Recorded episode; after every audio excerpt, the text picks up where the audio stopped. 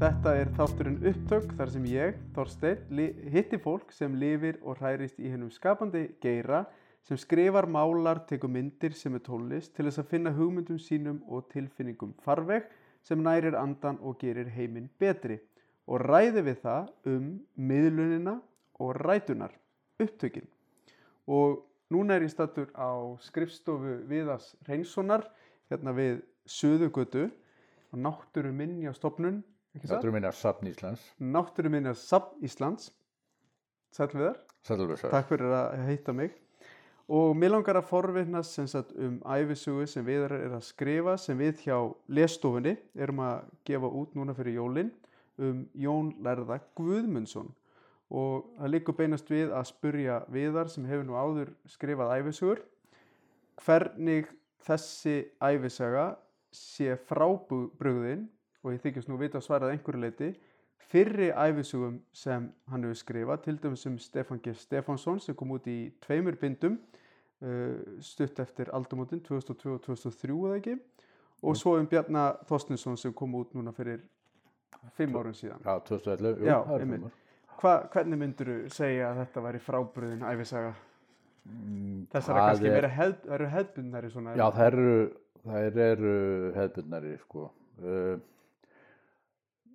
þessi, þetta er í rauninni tölvört meira heldur en venjulega efisaga því að uh, enda verður títillinn sem sagt Jón lærði og náttúrur, náttúrunar og uh, það vegna þess að, uh, að ég líka kanna náttúru sín 17. aldar eða við getum jafnvel sagt náttúru sín endurreisna tímabilsins eða, eða hérna, hugmyndi manna um náttúruna á þessum tíma sem voru gjör ólíkar því sem að við eigum að vennast í dag. Mm Þannig að uh, ég segi sem sagt rek æfi Jóns uh, eins ítalega eins og ég get, eins og hægt er eftir svona svolítið mis, uh, mis góðum, mis nákvæmum heimildum en, en ég er líka fyrst og fremst að reyna að ná utanum sem sagt þessa náttúru sín hvaða hugmyndir menn höfðu um náttúruna, hvernig menn skinnið hana, hvernig menn tjáð hana og hvaða samband maðurinn hafði við náttúruna -hmm. sem er sem sagt gjörólið því sem við þekkjum í dag eins og ég sagði og, og hérna, ég reynir sem sagt að lýsa þetta svolítið upp í gegnum Jón og, og það er mjög nærtækt vegna þess að Jón skrifaði eins og margir vita fyrsta rit sem til er á íslensku um íslenska náttúru sem sagt fyrsta fyrstu lýsingu íslenska náttúru sem til er Mm sem er alveg stórmerkilegt rít með, með hérna, myndum af, af kvölum og, og ymsum sjáardýrum aðalega og uh, þetta er svona, þetta er eitt best þekta rít þenn sem hann skrifaði ímestlega fleira, uh, rítstörun hjá hann voru mjög fjölbreytt. Og uh, það er þetta að komast mjög nær honum, svona persónlega, sennilega kannski nær honum heldur en flestum öðrum Íslendingum á 17. öld vegna þess Ef allir eru teknir með inn í mengið, þá er það hann sem Ég hugsa að sé valla hægt að komast mikið nær öðrum sko vegna þess að uh, hann byrtir svona skoðanir sínar og hugmyndir með mjög fjölbreyttum hætti í býsna fjölbreyttum rítum. Hann, uh, það fyrsta sem að uh, er til eftir hann er til dæmis hérna, eru tvö kvæði sem hann orti til að kveða niður drauga á árin 1611 og 12 mm -hmm. og uh, það fyrrast til dæmis byrtir uh, býsna mikið svona heimsmynd Jóns sem sagt hugmyndir hans um hímyntunglin, himnana, andana, englana og álfa og ýmislegt þess áttar. Það byrtir semst í þessu kvæði. Setna kvæði er nú bara svona saman súrruð fúkirði og blótsirði alveg stórkostlega skemmtilega lesning. það, það er fjandafæla. Það Fyrra, fyrra kvæði heitir Fjandafæla, Já. setna kvæði er alltaf bara kallað snjáfjallavísur hérna síðari. Og uh, það næsta sem hann skrifaði er svo annað uh, mjög frækt rít sem er, er hérna, lýsing Jóns á, á hérna, Spánverifjónum svo kvölduðu sem var nú kannski næra að kalla Baskavín. Mhm. Sem sagt sönn frásögn af, uh, af, hérna, af þessu vígum og uh, það skrifaði mjög í óþökk höfðingja á vestfjörðum eins og Ara Jöri og algjörlega frábært rít, merkilegt og uh, síðan uh, yrkir hann dáltið uh, á ymsum tímum og en til dæmis Ármannsrýmur sem hann yrkir á 1637 en hann lendir sem sagt í ymsum hrakningum sem hann óþarf að rekja núna en, en hrakningarnir hófust eftir að hann skrifaði þarna um Baskavíin. Og þeim lauk raunin, ekki fyrir en svona rétt undir 1640 og þá fekk hann sem sagt fór hann að skrifa í ímskona fróðleis fyrir, fyrir hérna, Brynjólf Biskup og þá skrifaði mjög margt sem er óskaplega forvitnilegt svona, uh, svona það byrtir náttúru sín hugmyndi manna um heiminn, heimsmyndina það er steinafræði, það er grasafræði, hann tók líka saman lækningaritt Mm -hmm. Þannig að þar byrtist kannski mest af svona þessari náttúru sín Jóns. En alltaf meðfram að þá glitti mikið í Jón sjálfan, hugmyndir hans, skoðanir, líka í kvæðum sem hann hefur sennilega orrt flest svona á fjörða áratugnum og, og kannski kringum 1640. Og svo allra síðast þá yrkir hann sem sagt ævikvæðið fjölmóð sem er ekki byllinis ævikvæði því að það er miklu frekar svona píslasaga Jóns þar sem hann er að rekja sem sagt uh, þær hemmingar sem hann hefur orðið fyrir hann bara stiklar á stóru ef hann minnist þá nokkuð á sem sagt önnur atrið æfinni en hann er bara að rekja sem sagt ofsóknir sem á hann dundu bæði þessa heims og annars og það er sem sagt síðasta, síðasta verkið eftir hann þannig að þetta er mjög fjölbreytti rít sem er hægt að byggja á og þess vegna kennst maður oft svona nærrunum En, en hérna, ef þyrftir að útskýra í, í stuttumáli náttúru sín, hvað áttu við með því og hvernig er hún frábriðin á 17. öld eða allavega í gegnum hugmyndir og skrif Jóns Lærða og 21. aldamannsins. Já, það er náttúrulega það sem að fyrir þetta- alveg heil bók í að reyna að reyna að Það eru ná no, utan um, sko. nokkur hundru blaðsögu kannski þannig, en Já, já. þú ne myndir neyðast til þess að segja í, Það er hérna, megin munun er kannski sá að uh, maðurinn var miklu frekar hluti af náttúrunni þá heldur en, heldur en hann er núna. Hann stóðin í rauninni nær, var hluti af henni og uh, hluti af svona hvaðinni, heimsmyndi, heimskerfi sem var svona, þetta var svona stígveldi, þetta stundu verið kallað svona hinn mikla keðja tilvernar og ennsku er þetta kallað the great chain of being og þar hafðu, hafðu allir hluti sinn stað og maðurinn var þar partur af, af þeirri keðju og var í rauninni í miðjunni, hann var bæði hérna, andlegur og líkamlegur og, og það var svona tókstreit, það var eiginlega andin og holdið sem að tókuðist á.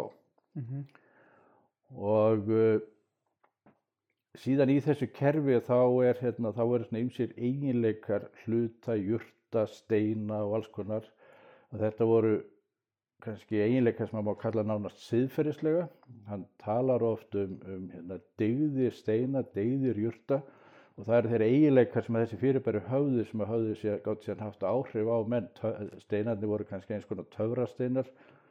Péturskipið sem sagt egg-skötunar hafði ímsa svona töfra eiginleika og jurtir hafðu kannski eiginleika sem voru bæði nánast eh, svona eins og, eins og bara uh, læknislif hafa í dag en líka einhverja eiginleika sem að gáttu fæst yfir á, yfir á mannin þannig að, að uh, þetta er allt í einhverju svona víðtækum, mjög víðtækum samengi þar sem allt tengist -hmm.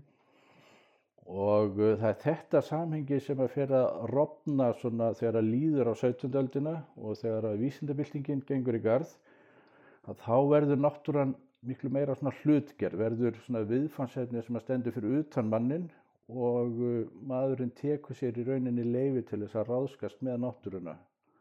nýta sér afurðir hennar og Já, miklu meira heldur en áður hefði verið. Mhm. En samt það er ekki hægt að tala um að, að þarna hafi verið einhver sko blá saklaus fortíð sko, menn það, það, það þarf ekki að, að hérna, stilla fortíðin upp sem, sem, sem einhverju saklaus og svo hafi komið syndafall. En þetta Nei, er svona megin línur sem að, sem að ég fer svo miklu nánar út í bókinni.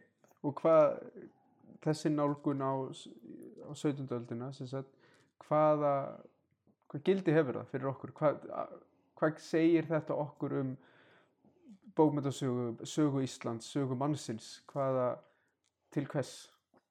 Sko það er náttúrulega núna uh, einfallega búin við uh, sem erum við að glýma við bara mikla kreppu nánast í okkar tengslu við náttúruna. Það er, það er hérna Það er, það er mengun, það er, hérna, það er sagt, ofnýting á, á hérna, gæðumjarðar, það þekki allir nú orðið vistsporin sem er kannski já, sjöfalt eða tuttufalt dýprættur, hvernig það er reiknað hérna á Íslandi. Já. Sem sagt, gæðumjarðar er eitt miklu hraðar heldur en, heldur en, hérna, heldur en að leifilegt geti verið og sem sagt, við umgöngust heiminn einfallega á ósjálfbæran hátt, náttúrun eða heiminn. Og svo náttúrulega eru lofslagsbreytingarna sem er náttúrulega mm stærsta ógnir sem að ofir yfir. Og uh, þessi bók er þá öðrum þræði svona kannski tilrönd til þess að, að seila svolítið á bakvið að rótum þessa vanda. Því að vegna þess að þessi hlutgerfing náttúruna sem ég nefndi á þann hún náttúrulega hefur meira minna orðið til þess að, að hérna, menn ofnýttanda og nýttist á henni Mm -hmm.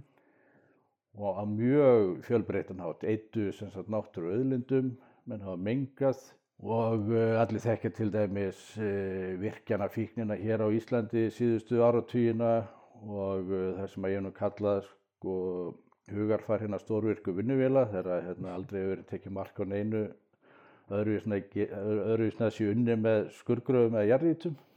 Það er semst þetta hugafar þessi hugsunaháttu sem að mér langar til þess að seilast aðeins á bakvið og skilja rætunar á. Það mun þá hugsalega gagnast okkur nútíma manninum á að skilja samband mannsins og náttúrunar betur í svona sögulegu samengi. Já, við þurfum að, að skoða það sögulega vegna þess að hérna, að ég meina það er allar hugmyndir og all hegðun hún á sér einhverja rætur og, og uh, núna er mannkinni einfallega í ógöngum og uh, þá verður maður náttúrulega að, að svona, koma svolítið að rótunum á þeim ógöngum og skilja hversu þetta var svona og, og kannski svona ef mig grafa þetta alltaf djúft að þá þá liggja, liggja ástæðina fyrir þessum ógöngum einmitt í því hvernig mann hafa umgengist náttúruna, hvernig mann skoðana, hvernig mann nýtana og hvernig hérna og kannski því virðingarleysi sem mann hafa haft fyrir náttúrunni núna lengi síðustu, síðustu aldir. Myndur þið segja að það á rætur reykja til vísindabildingarinnar svo afstæða gagvart náttúrunni? Að hluta til, það er hérna sko það náttúrulega er, volið að barnalegt að fara að segja að, að hérna, vísindabildingin hafi verið bara hennu illa og, og yðbildingin og uh, allar þær umbætur á lífskjörun sem að hafa orðið síðustu, síðustu 300 árin. En uh, meðfram því að það gerðist, meðfram vísindabildingunni, yðbildingunni og, og þessum bættu lífskjörum, að þá hefur held ég að glatast eitthvað á leiðinni og það er held ég kannski tilfinningi fyrir eða vitundin um það að maðurinn er hlut af einhverju stærri heild. Mm -hmm. og uh, það er svo tilfinning að hugsun sem hefur glatast. Svo, til, uh, svo hugmynd eða svo hugsun var mjög sterk á tímum Jóns Lærðas að, að maðurinn væri hlut af stærri heild og allt tengdist innbyrðist, allt hefði sína merkingu hefði, hefði sagt, nánast siðferðslega eiginleika og svo við all, all þessi hugsun hefur hreinlega glatast á síðustu tveim-þreim öldum og ef hún hefði ekki glatast þá hefðu hugsanlega umgengist náttúruna, jörðina með meiri virðingu heldur en hefur verið gert. Mm -hmm. Heldur að Jón væri hinn fyrirmynda samfélagsæk á 2001. öldinu, var hann svona til fyrirmyndar og var hann með eitthvað svona Facebook-hóp þar sem að væri að berjast fyrir náttúruvernd? Ég veit ekki, það nú hérna eða væri hann í einhverju kvöldgrúpu svona algjörlega á jæðrinum það er nú alltaf erfitt að, að hérna, já, spá fyrir um þessa fortíð sko en, en uh, hann var mjög uppreysnagjörn og, uh, og sjálfstæður í hugsun og gaggríninn og uh, menn sem hafa þessi einleika uppreysnagjörnir, gaggrínir, hafa sjálfstæðu hugsun þeir eru náttúrulega alltaf í fararbroti fyrir einhvers konar andofi í samfélaginu og minningunni. Mhm. Þannig að uh, ég er nokkuð vissum að væri til dæmis þessi hefði, hefði gett verið liðtækur í náttúruvendinni núna á, á okkar tímum sko en hefði verið lifandi. Ég var með spjallaði í síðasta þætti við Andrasnæ, þeir eru kannski náðu vel saman. Já, ég held að hérna, þeir hefði náðu mjög vel saman. Náttúrulega, já, það, það er hérna, það er uppreistnagirni hugmyndaðiki og gaggríni, það er hérna, Jón hæði það allt saman sko. akkurat. Eh, að spyrja, samt var sko Jón um leið þá var hann sko það skýn mjög við í gegn að, að hann var svona ljúmenni glaðilegur og hress náungi og virtist alltaf sko ná góðu sambandi við alla sem hann kynntist þannig að, að, að hérna, hann var ekki sko þú veist alltaf reynd að klína einhverju neikvæðni sko stimpla með neikvæð ef minn eru gaggrinir sko en, en hérna Ég held að hann hefði verið mjög glaðbeittur alltaf og jákvæður og skemmtilegu náðungi sko, sem að heillaði alla sem að í kringum hann voru sko. þú er greinlega kynst honum mjög vel. Já, já, við erum þetta góði vinnir sko. Já, já, hvað eru þekkt hann lengi? Hei, 20 og, hvað er það, 20 og, já, svona hátt í 30 ár. Um, ég kom heim frá námi 87, skrifaði lokaritger hérna heima, semst í bókmyndstafræði frá Kaupmannarnar háskóla og þá var ég alveg óvart dottin onni fornbókmyndir, íslenskar. Mm. Þegar ég fór í námi í Kaupmannarnar þá hafði ég svo sem engan áhuga á þessum hérna, íslensku bókmyndum, hvorki fornbókmyndin í öðru. Var meðal annars í sömu byggingu og átnarstofnun, þar var, sagt, uh, þar var ég í námi og, og ég kom aldrei inn á átnarstofnuna meðan ég var í, í hérna, Kaupmannarnar þeim árum. Sko sá Jón Helgarsson einu sinni þarna fyrir utan húsið en, en hérna vissi var allar hvað átnastofni var. En svo bara datti ég undir lokin einhvern veginn ofan í, fekk einhverja hugljómun bara þegar ég var að lesa eitthvað fræðiritt um, uh, um endurreysnatíman og, og fekk þá hugljómun um, um hérna, forbókmyndinar og skrifaði lokriðgjör og þá fór allt í hérna að vaksa þessi áhuga á á svona eh, fyrri tíma bókmyndum íslenskum og uh, svo gerist það þegar ég var svona eh, rétt búinn í námi að, að hérna, ég skrifaði nokkar opnur í, í hérna, fyrsta bindi af íslenskum söguallas og þá fór ég að læðist ég ofan í til dæmis lærdömsöldina sem er nú yfirleitt kölluð þessi þetta tímabil frá, frá síðaskiptum og fram að upplýsingu. Og það var þá sem að ég kynntist Jóni að einhverju marki og semst las það á tveir rítum hans og þá eiginlega heitleðist ég algjörlega á honum. Og uh, sérstaklega þessari uppreisnagirni og, og, uh, og þessum bara mjög hillandi hugmyndaheimi sko. og uh, svo að setna á næstu árum að þá var ég í svona rannsóknarverkefni þar sem hefur verið að kanna viðtökur eða jú, viðtökur snorraðettu og, og hérna, ettu fræði á síðaröldum og þá gæti ég lagst dálítið betur á henni Jón.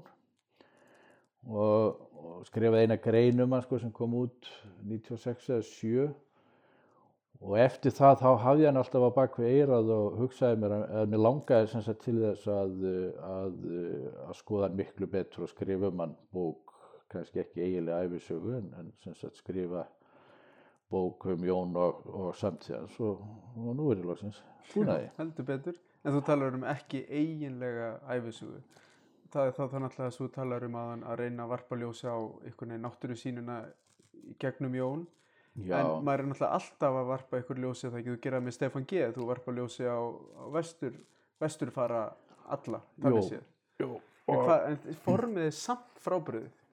Þú ert Já, já. svona aðeins, ekki skáldlegri, en þú ert svona ekkert ekki að mikið svona staðrendum og ég meina staðrendir og staðrendir ég trú ekkert á staðrendir hvað sem er en, en hérna e, ég leifi miklu meir hlýðarspor sem sagt frá æfiþræði Jóns. Það eru heilu kaplarnir sem eru um uh, til dæmis heimsmyndina hugsunaháttin, handritamenninguna bókmenninguna og, uh, og, og ræðs mikið, ég með tölvut mikið um sögu læknislistarinnar. Þa, og þannig að, að uh, þetta er ekki bara æfisaga, þetta er líka rít um, um sem sagt heimsmyndina, hugmyndasögu, handritamenningu, samtíman, valdið í samfélaginu. Uh, Jón var dál týlilega fyrir barðinu á svona valdakerfi samtímans. Þannig að það er svona ýmsa hliðar á uh, svona, svona þræðir sem að tengjast Jóni sem að ég tegi svolítið og, og, og fylgi svona út frá í, svona burtu frá svona þessi söguþræði sem æfi hans myndar sko. Og uh, það er til dæmis uh, dáltill kapli um, um hugurás það er sem sagt Jón hélt einhvers konar skóla þegar hann bjó á Rifi á Snæfellnesi í nokkur ár. Og uh, þar var hann sem sagt sakaður um að, að hérna, reka galdraskóla. Og einhvers konar skóla hélt hann, var að kenna sennilega þá bara vermunum sitt að hverju og uh, það er ekkert langt á milli galdra og læknislistar þannig að, að hann hefur sennilega verið að kenna mönnum einhver varnaráð Mhm.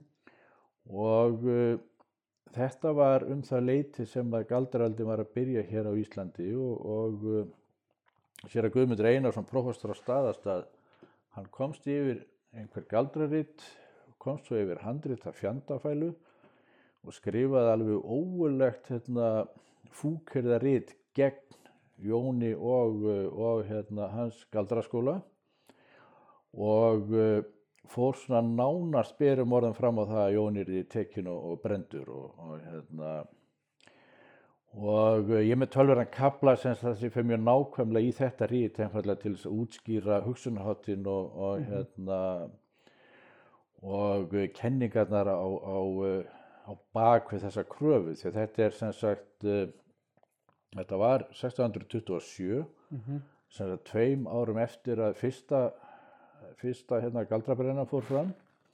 En hún var náttúrulega svolítið, stóð svolítið sér á parti því að svo byrjaði galdraöldin ekki á fullu fyrir en upp úr 1650 þannig að Jón slapp þarna síðan var hann dæmdur útlægu fyrir galdur nokkrum ára setna og uh, þannig að ég, ég nota til þess að kapla um hugurás Guðmundur Einarssonar til þess að, að hérna, útskýra svolítið hugmyndirnar í kringum galdraöldina. Mhm.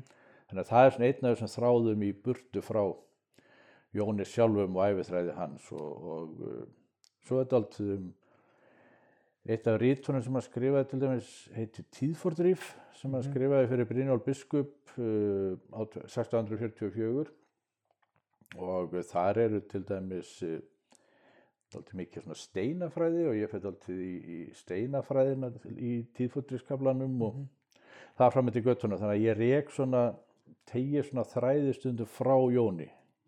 En svo læt ég alltaf lesanda vit hafið að nú séum við að hlaupa svolítið út sem okkur burtu frá Jóni í bíli og svona Einmitt, þú ert mjög svona já ég er með svona þú byrtist í lesenda textunum svona þannig sér já ég er alltaf með svona lesendavæna inganga að hverjum kapla fyrir sig svona, já, Einmitt. En hérna fyndum við nefnir hérna eða skemmtilegt að þennan þráð við fjandafælu að það er einmitt þráður í síðustu bóksögu gáum út í leðstofunni Galdra skræðu, þar byrtist eitt erindi úr fjandafælu. Já. veit ykkur sem fyrsta? Jésús dreira dauða og pínu, er já, já, þannig að það er við reynum alltaf að hafa svona þræði á milli verkanu sem við gefum út sko, þannig að það- þar kemur sá þráður og, og náttúrulega og uh, Jón var vændur um galdra hann kunni ímislegt fyrir sér í, í einhvers konar varnargaldri og, og, og Mhm. kunni örgulega rista eða skrifa upp galdrastafi og þess að það sko að- Einmitt. Uh, Mér langar að spyrja þig um því að þú verið svona það verðist ekki vera skortur á heimildum þú vísar í mörgrit og, og einhvern veginn þú nærða kortleggja þetta allt og nærða að fylgja í fótspor Jóns alveg nánast alla æfi þannig séð þannig að, að það er ekki heimildaskortur en við í dag vitum ekki mikið um Jón. Það er ekki verið gefið mikið út ekki mikið af rannsóknum svona kannski. Er ekki Já. marga doktorsríkir í þessi fjallum Jón Lörða það það er ein, til. það er ein, já. já, og hérna af hverju er það, af hverju vitum við svona lítið um þennan þennan merkilega mann? Uh, sko það hefur komið út öðru hvoru svona æfi ágrip hans mm -hmm. þegar að, bara í útgáfum af verkum hans það er hérna þegar fjölmöður var gefin út æfikvæðið þá kom út uh, með því kom, kom tölvert æfiágrip þetta er Pál Egert Ólason, Haldur Hermansson gaf út í Íslandíku hérna rítið um Íslands náttúrur og þar er ágættis æfagreip á ennsku og svo náttúrulega í doktorsvitger Einarssonars Péturssonar og þá er uh, býsna langt um mikið æfagreip en þau eru svona flest keimlík þessi æfagreip og það er ekkert, kafað ón í æfina svo sem ekkert reynt að, að grafast fyrir um uh, hugmyndaheimin og hugsunina og þess að það sko. Það kom út bókana fyrir nokkrum árum sem er svona Já, það er svona, ræðingur. já, það er greina sapt sko, Mhm. þar sem eru ýmsar svona nýsilegar, forvitnilegar rítgerður um Jón sko, frá ýmsum, ýmsum sjónarhóðnum. Mm -hmm.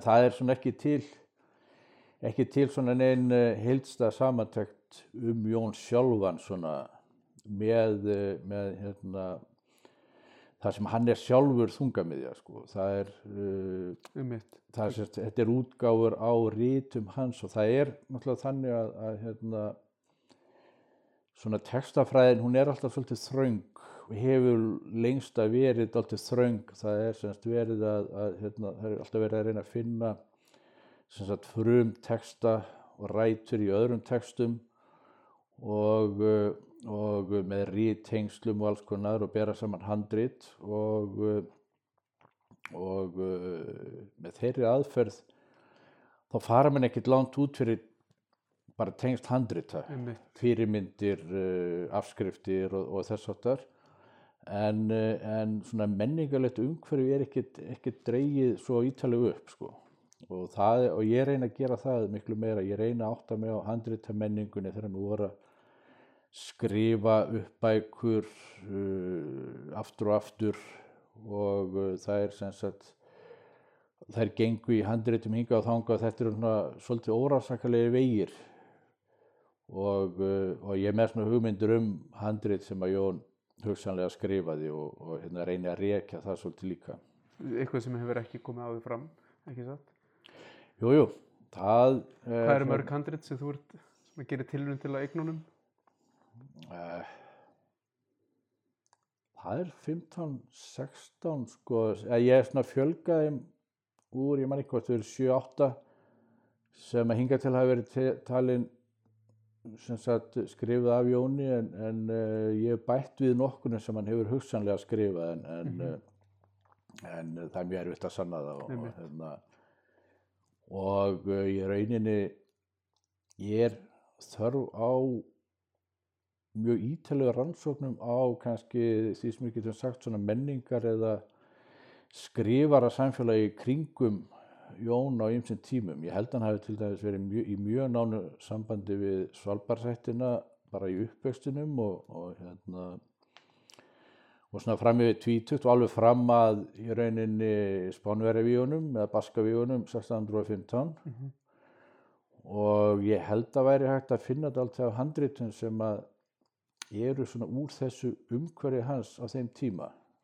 En það eru væri, það, það þyrfti alltaf ítalegar og flóknar rannsóknir og svo held ég að að uh, væri svona hægt að gera svipaða rannsókn á, á uh, síðustu æfiárunum þegar hann var komin í skjól á Östurlandi og var að skrifa fyrir Brynjól biskup og, og uh, þá var hann í sambandi við uh, östfjaraskaldin Ólaf Einarsson og, og Stefán Ólafsson og fleiri og afkomendur hans tengdust þessari östfjaraskaldætt uh, hérna svona sonur hans var uh, giftur dóttur Bjarnar Gissurarssonar minni mig og uh, þarna held ég að sé sko séu mikil, mikil tengsl og samband á milli manna sem að hefur ekki verið rannsakað neitt að ráði og, og uh, Guðmundur Sóni Jóns var til dæmis rítari Gísla Oddssonar biskups í nokkur ár og,